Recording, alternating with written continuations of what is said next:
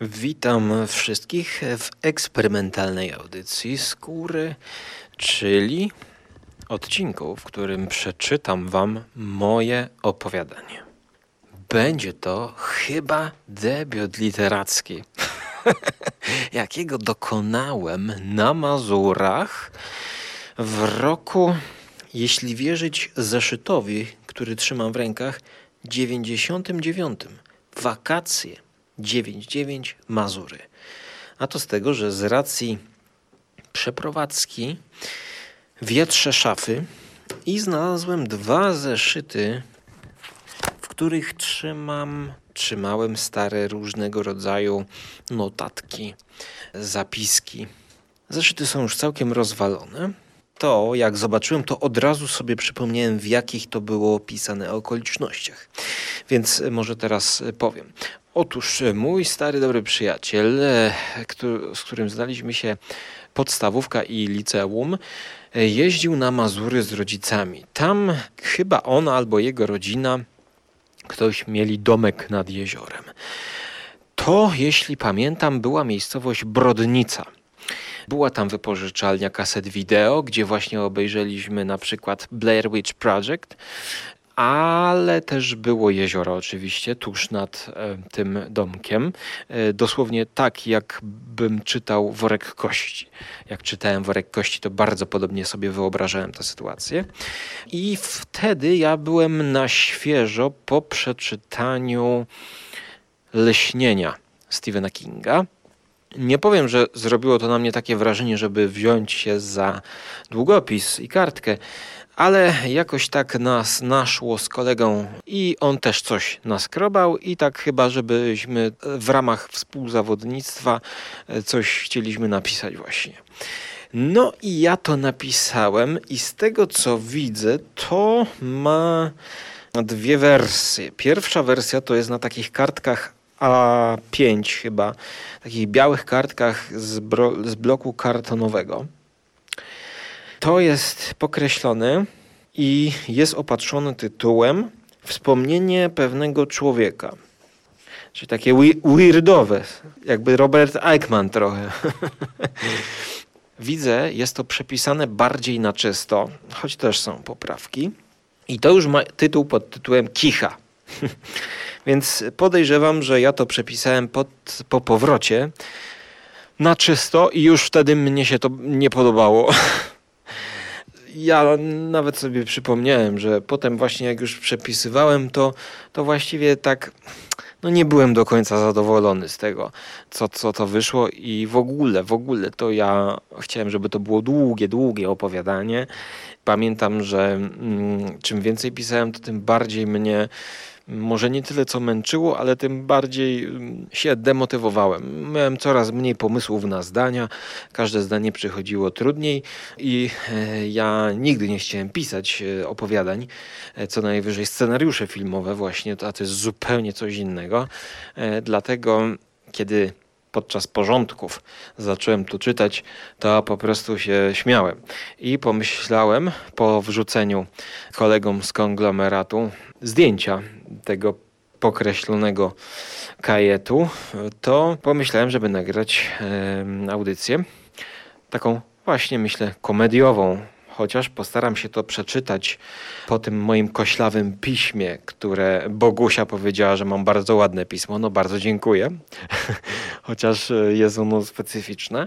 Postanowiłem przeczytać to na bieżąco, czyli jak zacząłem czytać, przeczytałem stronę i już zastopowałem, bo już wtedy wiedziałem, że chcę to nagrać, żebyśmy się pośmiali razem. E, dlatego jest teraz godzina pierwsza w nocy i jestem na tak zwanym dworze i zabieram się e, z wami. Więc e, tutaj ja mogę się po sobie samemu nie doczytać. Więc to może być koślawe, e, choć postaram się to zrobić jak najbardziej profesjonalnie. Pamiętam jeszcze, że te takie szczególiki, które podobały mi się u Kinga, to możliwe właśnie, że też e, chciałem jakoś powtórzyć i to nie powiem nieświadomie, tylko świadomie właśnie. Myślę, że to opowiadanie ogólnie się nie udało.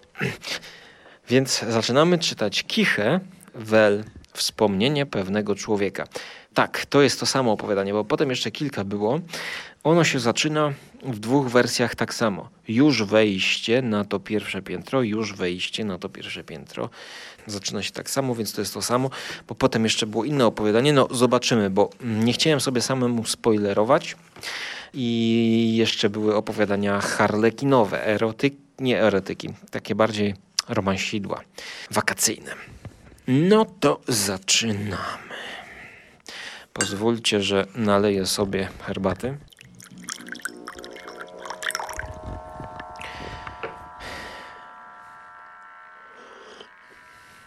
No, zobaczmy, co to było. Wspomnienie pewnego człowieka.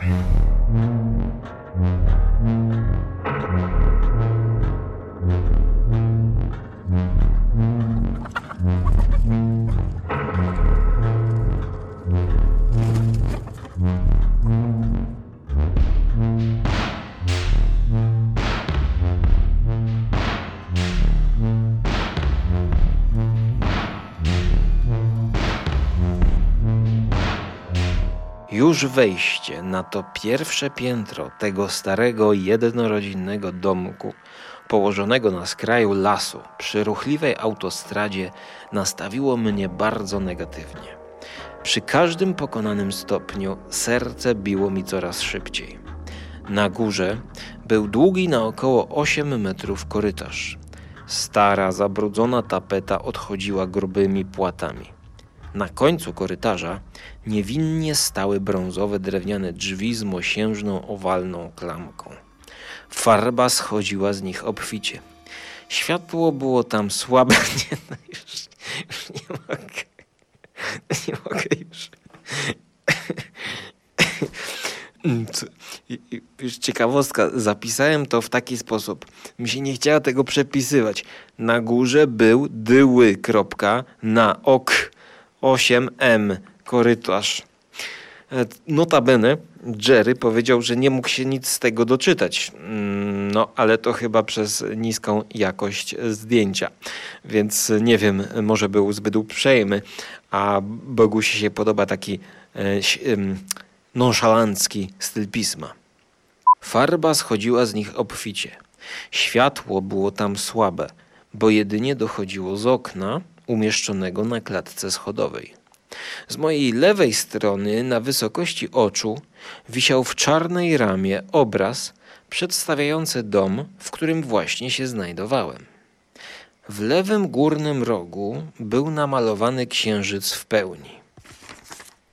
Obok schodów stały dwa duże filary podtrzymujące sklepienie. Duże drewniane drzwi na jednym gwózdku zwisała tabliczka z numerem 29. Z dachu wyrastała jedna wieża, na której umieszczony był blaszany kogucik służący do wskazywania wiatru, do wskazywania kierunku wiatru. Dwa kwadratowe okna z metalowymi ramami pomalowanymi na złoto – wybite szyby, z jednego zwisała potargana zasłona. Na niebie, gdzie niegdzie unosiły się ciemne deszczowe chmury. Przed domem była namalowana spękana dwupasmowa ulica. Wyjąłem mój srebrny pistolet. Ruszyłem w stronę drzwi. Drewniana podłoga trzeszczała pod moim ciężarem. Kiedy dotarłem do celu, serce waliło mi jak oszalałe. Ująłem moją spluwę w obie dłonie.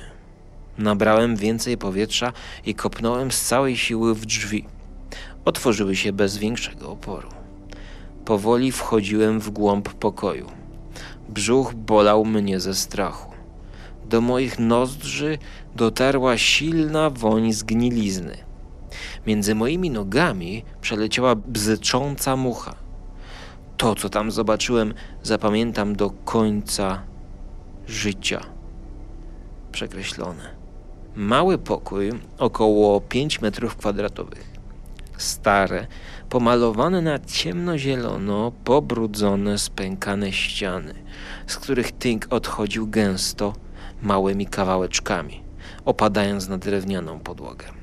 Naprzeciwko mnie widniało duże okno z białą, spękaną. spękaną, no to cztery razy chyba powtórzyłem, że jest spękana. Z białą, spękaną framugą. Kawałki rozbitej szyby groźnie wyglądały z górnych narożników. Zakurzona firanka lekko powiewała na wietrze. Z prawej strony krzywo wisiały stare skrzypce z czterema pękniętymi, luźno zwisającymi strunami. Natomiast z lewej strony w rogu stała bardzo stara drewniana, pomalowana na czarno, sięgająca pod sam sufit szafa. Gęsto rzeźbione gotyckie wzory zdobiły jej ponure oblicze. Tuż pod oknem stał zakurzony fotel o czerwonym obiciu, z którego sterczało połowę zardzewiałych sprężyn. Jedno z drewnianych oparć, nakierowanych wprost na mnie, było złamane. Jedno z drewnianych oparć nakierowanych wprost na mnie było złamane. Na środku pokoju leżało na plecach ludzkie ciało całe we krwi. Siny język wychodził z ust odrąbanej głowy. Krew mieszała się z żółtawą ropą. Z szyi tego człowieka wystawała postrzępiona tchawica, żółte kręgi szyjne i czerwono-krwista aorta. Biały garnitur ofiary był cały we krwi. Krwi było mnóstwo. Jeszcze nigdy nie widziałem tyle tej substancji. Odrąbana lewa ręka spoczywała w prawej dłoni blondyna. Oczy nieszczęśnika obojętnie wpatrywały się w sufit. Zerknąłem w górę. Szary, obstrupiały sufit ochlapany był dużą ilością małych, świeżych plamek krwi. Wisiał tam również obficie ochlapany, mosiężny świecznik. Trzy białe, niedopalone świece z odstającymi, spalonymi czarnymi knotami tkwiły w porysowanych zagłębieniach. Z wycelowaną lufą na nieboszczyka podszedłem do okna. Ciemny las, jedyny widok. Ciarki przeszły mi po plecach. Nagle trzask. Serce podskoczyło mi do gardła. Obróciłem się odruchowo. Drzwi pod wpływem przeciągu same się zamknęły. Musiałem jeszcze sprawdzić jedyny mebel w tym pokoju. Obszedłem trupa, podążając do szafy. Poruszałem się zwinnie i cicho. Stanąłem okrakiem przed szafą i pociągnąłem za srebrny uchwyt. Ani drgnął. Strzeliłem w zamek. Szybko pociągnąłem za lewą połowę drzwi i od razu wycelowałem w czarną głębię szafy. Ujrzałem tam wiszący na drucianym wieszaku szary, zakrzywiony w okolicach torsu prochowiec. Odetchnąłem z ulgą. W tamtym domu nie znalazłem już nic, co by zwróciło moją uwagę. Wezwałem pogotowie i moich kolegów z policji. To morderstwo było trzecie w całej serii zabójstw maniakalnego mordercy. Złapaliśmy go na gorącym uczynku, gdy próbował w równie bestialski sposób zamordować jedenastą osobę. Tutaj wtrącenie jest jakiś rysunek mój. To jest las z wilkiem. Yy, czy to jest ten las, który tutaj miał być? Yy, jakieś takie świerki jodły są namalowane, ale to chyba jest przypadek, bo to jest później domalowane. Kontynuuję. Teraz, gdy dożyłem się sędziwego wieku, utrzymuję się z renty inwalidzkiej. Aż do tego czasu śni mi się zmasakrowane ciało tego człowieka. Opowiadam wam to moje najbardziej przerażające przeżycie, abyście mogli wieczorem przy ognisku wystraszyć kilku znajomych. Opowiadam wam je, zarazem czekając na śmierć.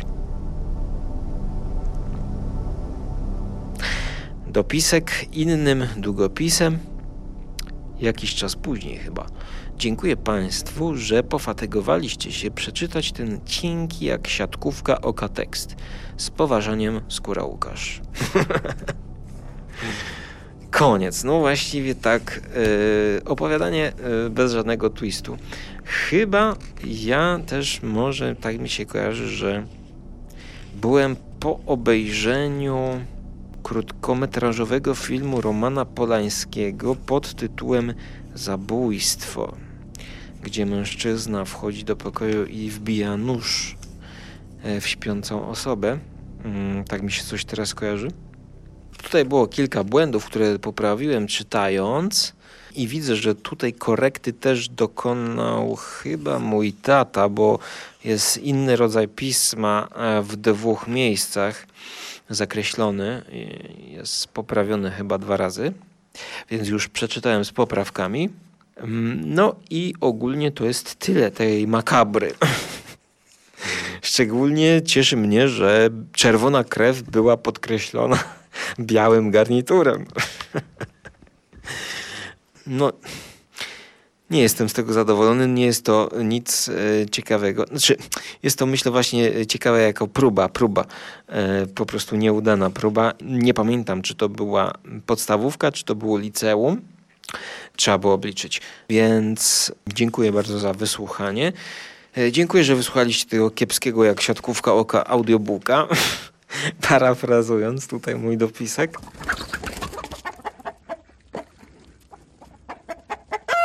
I to, co widzę na stronie następnej, to chyba zupełne przeciwieństwo, bo coś, co jest zatytułowane w taki oto sposób. Moja bardzo, bardzo, bardzo wielka wakacyjna przygoda miłosna. Czas akcji, wakacje letnie, bohaterowie, znak zapytania chyba tu jest, fabuła brak, rodzaj kicha, w nawiasie romansik z przesłankami. Harlekinek number two. Czyli to jest chyba już druga część, która zaczyna się Szłam sobie po gofra ulicą, ubrana w skąpą letnią czerwoną mini, gdy nagle z za rogu wyszło dwóch przystojnych brunetów i zapytało mnie o godzinę. Powiedziałem im, że nie mam tajmu, a oni wręczyli mi srebrnego tisota i już bez zbędnych słów schowali się w najbliższym spożywczym sklepie.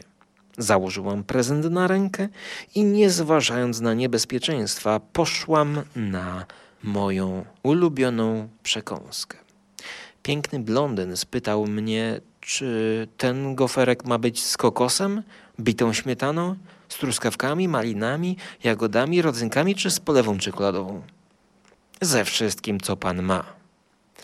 Chłopaczek, nic nie mówiąc, poszedł na zaplecze budki. Cierpliwie czekałam. Tymczasem kolejka rosła i rosła, jak ciasto drożdżowe.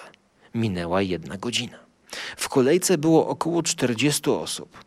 Ja nadal cierpliwie czekałam, ponieważ chciałam bliżej poznać tego miłego kawalera. Pięć godzin później, przy budce, wytrwale stałam tylko ja. Nagle pojawił się pobladły blondyn. Musiałem się załatwić. Nic nie szkodzi, odparłam mile zabrał się za robienie gofra. Dochodziła osiemnasta. Podał mi wielkiego, pysznego goferka. Ile? Usłyszał z moich pomalowanych na niebiesko ust. Nic. Cóż, jeśli tak, to idę. Haj. Powoli odchodziłam, machając zachęcająco moją zgrabną pupcią. Jest to napisane, no niesamowite. G Słuchajcie, dzisiaj macie double feature. To jest double feature skóry. Gra... O, z...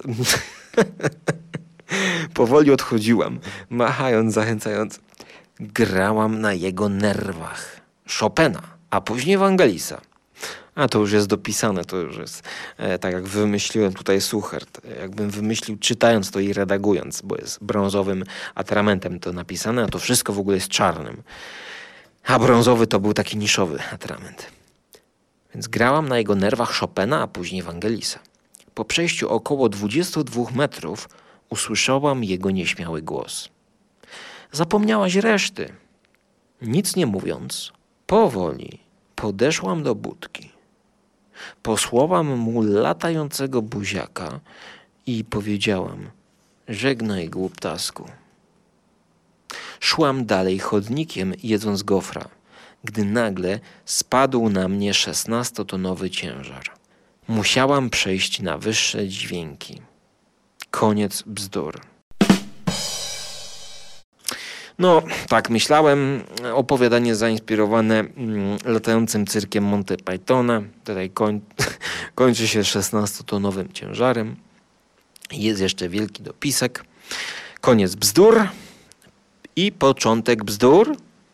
I jest dopisane, yy, no, robił je kupę najlepiej jak tylko potrafię. Szybko i bezboleśnie, bez, bez zbędnych dyskusji, bez debat i posiedzeń. Ale sikam długo, z bardzo, bardzo, bardzo wysokim ciśnieniem. To jest y, właśnie to, czym się zajmowałem, kiedy nie było Instagrama ani Facebooka. I tutaj już się zaczyna twórczość swobodna. Przymiotniki do poważnych użyć. Genialne, świetne, fajowe. Powiem wam jedno. Mm, tak, i to jest koniec. To jest to, co znalazłem. Jeżeli podoba Wam się y, taka forma, mm, no to dajcie znać, y, czy podoba Wam się taka treść. No to jest oczywiste, że odpowiada znakomite opowiadanie. Ale jeżeli znajdę, no to dajcie znać, czy jeszcze coś byście posłuchali, bo tutaj widzę, że jest tego trochę, tylko to jest pisane w ogóle raz do góry nogami, raz z innym pismem.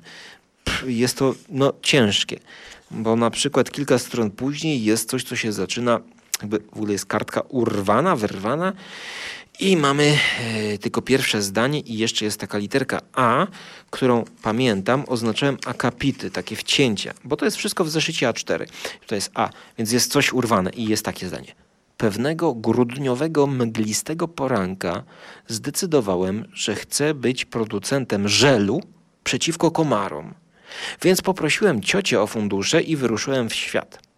Po 40 dniach bezsensownej i przygnębiającej tułaczki po ziemi i innych terenach znalazłem cel mej wyprawy. Wielka dymiąca fabryka żelu widniała na małej górce.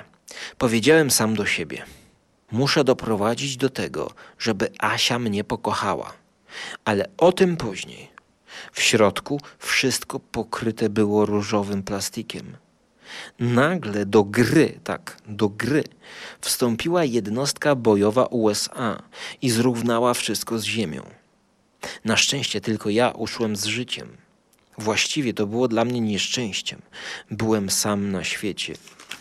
Ale nagle no właśnie, tutaj się urywa narracja, bo na drugiej stronie nie ma nic. A nie, jest, jest, jest. To jest e, tutaj wchodzimy trochę na dadaizm, albo właściwie na nie wiem co. Nagle pojawił się Bill Clinton i wziął mnie ze sobą koniec. Ech, no. Dobra, wystarczy, wystarczy, bo to już ty, to jest ciekawe. Tutaj mam na tej samej stronie, gdzie kończy się historia o żelu do komarów, jest takie coś. To po prawej stronie tego zeszytu trzeba czytać należąco do góry nogami, plus rysunek, jak facet leży na ziemi. Jeżeli powyższe warunki nie zostaną spełnione, człowiek, który będzie to czytał, może nagle włożyć palce do kontaktu, po czym może umrzeć. I teraz rzeczywiście na drugiej stronie jest do góry nogami pisane, więc ja muszę odwrócić zeszyt i teraz jest jedna strona. No dobrze, więc jak zacząłem, to muszę jeszcze skończyć i wam tę stronę przeczytać, która to strona zaczyna się jakby od rysunku szarej komórki albo czegoś takiego. Witamy w teleturnieju Paczka pełna jagód. Paczka pełna jagód. Dzisiaj konkurs na najgłupszą nazwę firmy produkującej ręczniki. Udział mogą brać wszystkie firmy pod warunkiem, że w ich nazwie będzie literka A. Pierwszym producentem ręczników jest firma pod tytułem drukarka z marcepanu. Drugim zeschły tynk opadający z sufitu na drewnianą podłogę Katarzyny. Trzeci, już ostatni, to firma nazywająca się Nazywa się Janek, chodzący po błocie w czasie zimy. Ta właśnie nazwa będzie wygraną w naszym konkursie na TV1. Koniec apostrofu. A teraz wyniki. Pierwsze miejsce zajmuje firma Zeschły tynk opadający na drewnianą podłogę Katarzyny. Dzisiaj już żegnamy. Kropka. Do usłyszenia w przyszłości, bądź do zobaczenia na Żarłok TV. Cześć.